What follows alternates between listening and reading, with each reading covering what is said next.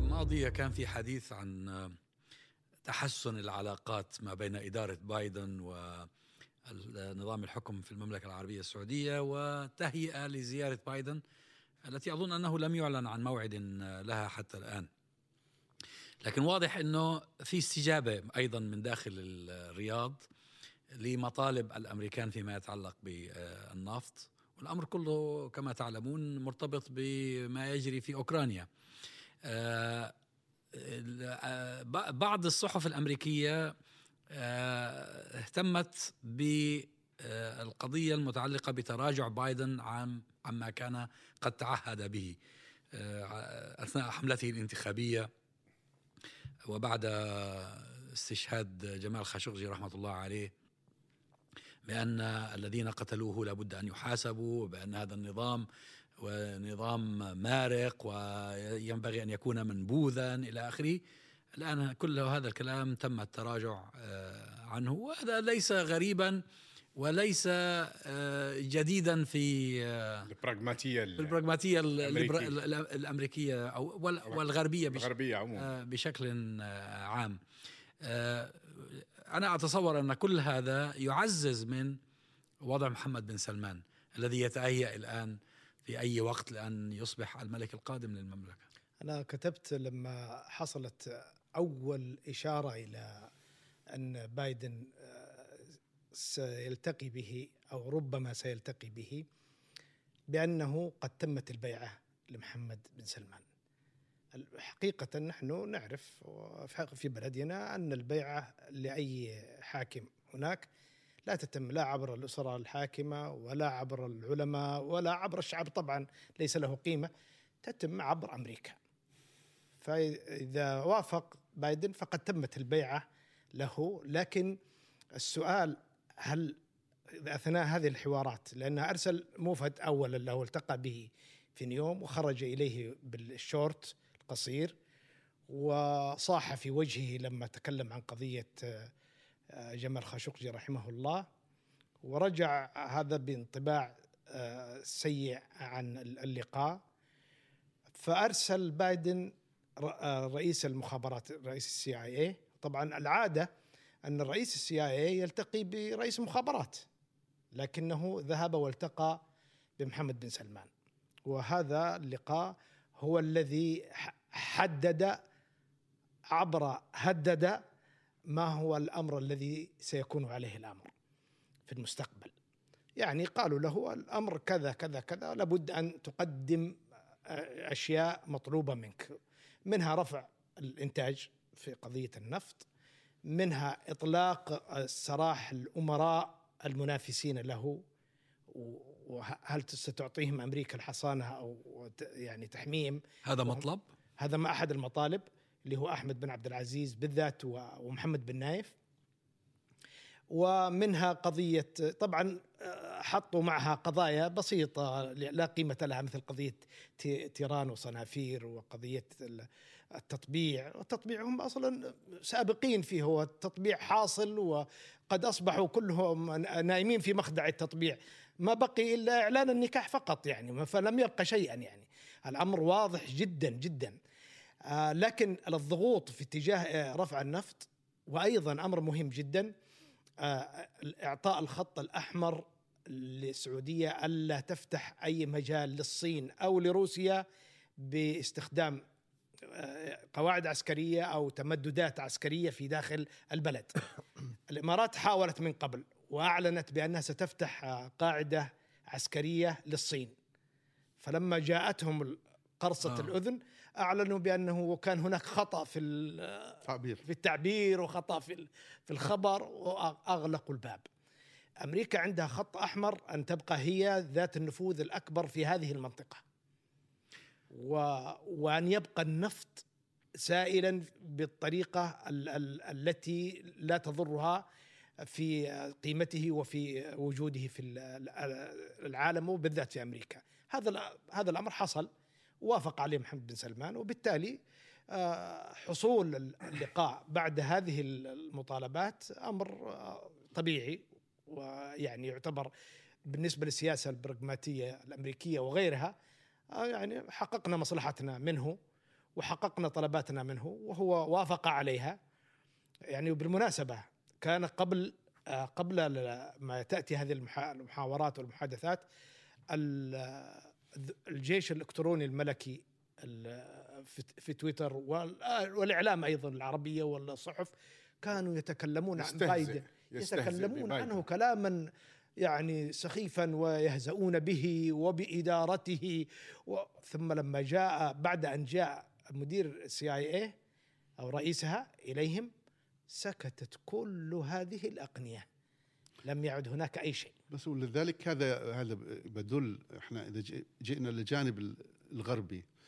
إنه هذا الجانب الغربي يوما بعد يوم يثبت وهذا الشيء لم يعد آه، يحلله المحللين. الآن الصغير والكبير يعرفوا إنه هذه السياسة الغربية بلا أخلاق بلا قيم. هذه أنظمة طول عمرها بلا قيم بلا أخلاق. يعني لم يهمها في يوم من الأيام لا دم جمال آه، خاشقجي رحمه الله أو أي دم أي آه، شخص آخر أو دم أي شعب من الشعوب. بل هي بل هم هي بل يهمها هم مصالحها. بل, بل هم لا يهمهم من يحكم طالما أنهم ضمنوا نعم. أن ما يريدونه متحقق. هو هو طبعا هذا لأنه العلاقة بين الولايات المتحدة وبين الدول العربية وغيرها من الدول التي آه، تسيطر عليها الولايات المتحدة أو لديها نفوذ كبير فيها علاقة بينها وبين الدول. والمؤسسات. يعني أنا أعتقد بأنه العلاقة لا, لا, لا تقتصر فقط على رأس الدولة في الولايات المتحدة ورؤساء أو ملوك أو زعماء هذه الدول وإنما هناك علاقات أكثر عمقا آه، على مستويات آه، تفصيلية وأكثر. نعم. لذلك في عندما طرحت آه، فكرة إنه هناك زيارة قادمة لبايدن آه، يعني سألنا أحد زملائنا آه، في في في موقع عربي 21 اتصل في أحد الخبراء في الولايات المتحدة وقال له بأنه العلاقات أصلا غير متوقفة، إحنا رئيس الاستخبارات كان موجودا قبل فترة ووزاره الدفاع والخارجية تعمل بشكل مستمر مع نظرائها من السعوديين. فالعلاقة مستمرة لكن هناك كان يوجد بعد نفسي إذا صحت التسمية بين آه، يحول بين زيارة بايدن أو لقائه بمحمد بن سلمان. آه، آه، ربما البعد هذا له علاقة بالسياسة بالسياسة الأمريكية الداخلية وليس بسياستها الخارجية. بالحزب الديمقراطي. بالحزب الديمقراطي لأنه معروف أنه لها علاقة كمان بعلاقة محمد بن سلمان بترامب. نعم أيوة. نعم. جانب هذا جانب مهم والولايات المتحدة يعني أقصد إدارة بايدن تعرف بأن محمد بن سلمان وإلى حد كبير أيضا آه، الإمارات محمد بن زايد هم ينتظرون فقط لتمضية هذه الفترة وهم يعني يتمنون أو يعتقدون أن ترامب ربما يكون له فرصة في الانتخابات آه، القادمة. ولكن أيضا من العوامل الأكثر أهمية في في هذا الأمر هو آه، بايدن حينما آه، رشح للرئاسة في عن الحزب الديمقراطي كان هذا نتيجة لتنازل آه، بيرني ساندرز. بيرني ساندرز لا الطبقة التي تدعمه وهي كانت طبقة كبيرة يعني لهم أفكار يسارية وليبرالية وإلى آخره فهم فبايدن كان يشعر بنوع من الحرج تجاههم لأنه يعني كانوا هم من من أهم من آه، ساهموا في انتخابه. وهذا أيضا حتى أثر على بعض آه، تصريحات الإدارة تجاه فلسطين اللي هي مختلفة شوي مش مختلفة كثير ولكن مختلفة قليلا تجاه حقوق الإنسان في آه، في مصر وتجاه حتى الصراع العربي الإسرائيلي. لذلك إذا المصالح الكبرى تحققت هذا الجانب النفسي يعني سينهار و وسيحدث والجانب النفسي هذا الجانب النفسي هذا بالتأكيد يعني الآن منذ آه، مجيء بايدن نحن نتكلم عن حوالي 20 شهر فهي فترة كانت مهمة يعني وهذه أضعفت بن سلمان آه، إلى حد ما لكن ما قام به بوتين طبعا فتح لبن سلمان آه، فرص لم يكن يتوقعها وهو انه الحاجة إلى تخفيض أسعار البترول اللي هي ترتفع وترتفع الآن بشكل كبير جدا والتخفيض عن طريق زيادة الإنتاج. والحقيقة أنا فوجئت حتى أكون صريح أن استطاعوا سواء الإمارات أو بن سلمان أو استطاعوا إلى حد ما أنهم آه، وقفوا في وجه الضغوطات الأمريكية في هذا الموضوع إلى وقت يعني إلى قبل ثلاث أسابيع صحيح؟ صحيح.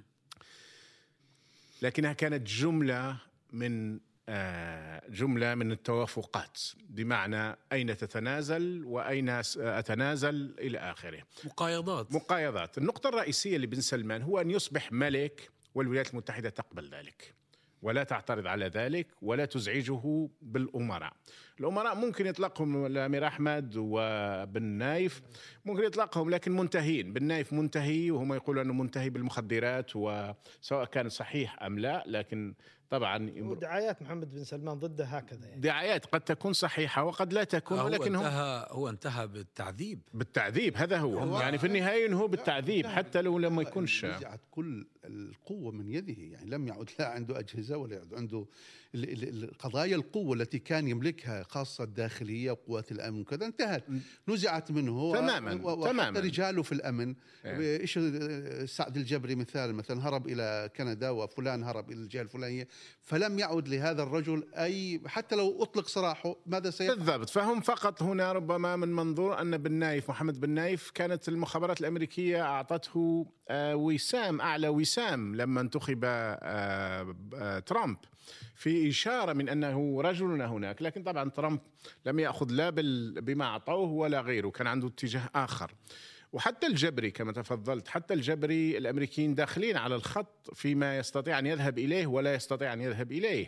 يعني هو الآن ربما يصل إلى فكرة أني طيب تطلقوا لي أبنائي وأنا من جانبي أسكت وربما حتى أعيد بعض الأموال.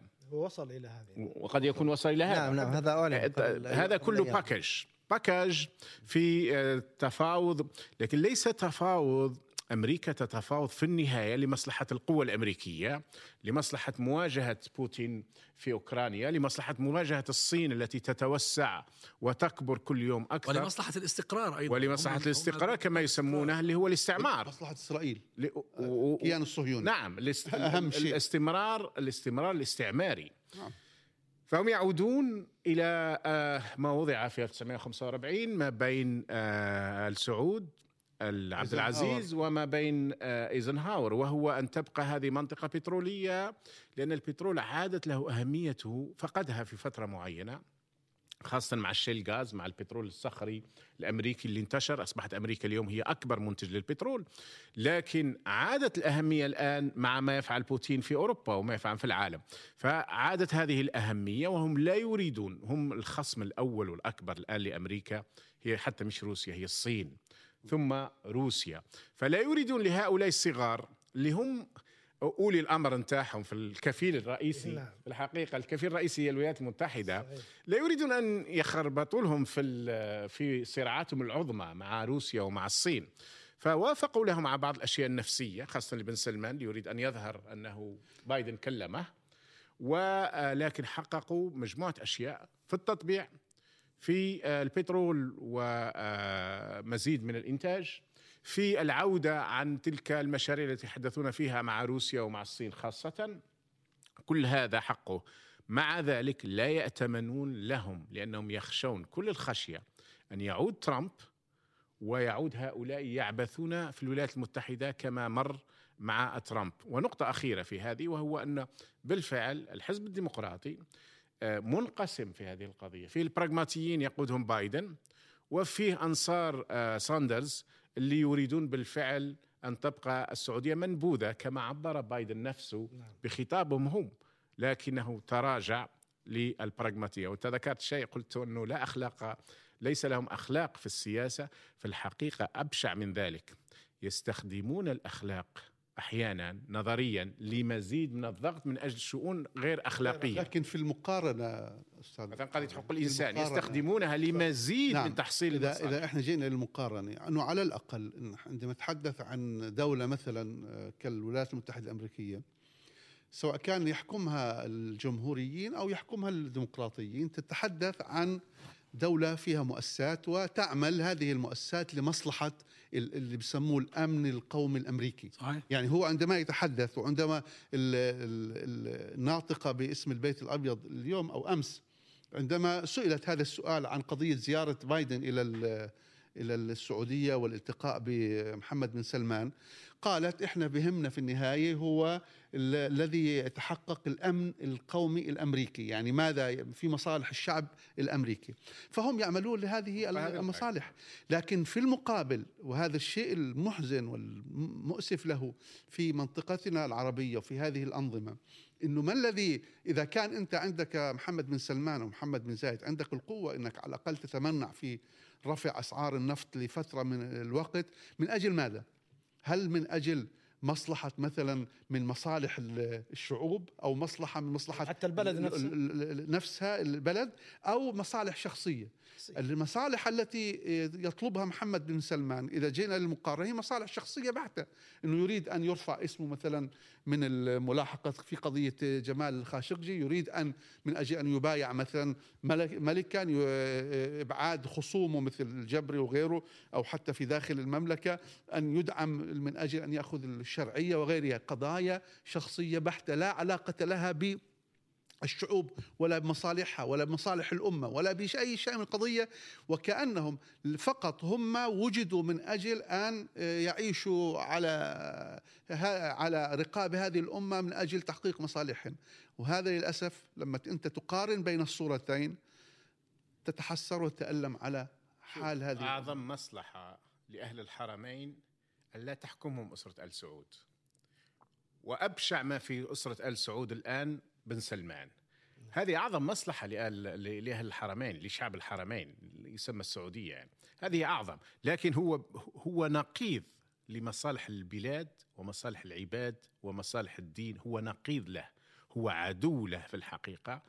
وهو يأخذ هذه آه، التبركات من مال من المال السعودي من مال المنطقة من مال الشعب يدفع من مال الشعب يعتمر ينقص البترول يزيد في البترول لمصالح الولايات المتحدة من أجل مصالحه الخاصة اللي هي في تناقض وجودي. في الحقيقة مع الشعب السعودي أو شعب المنطقة ككل ومع الدين ومع المبادئ ومع الأخلاق ومع هذه المنطقة. هذه المنطقة قبل 14 قرن خرج منها أناس حرروا نصف العالم وفتحوا نصف العالم ونشروا العدل.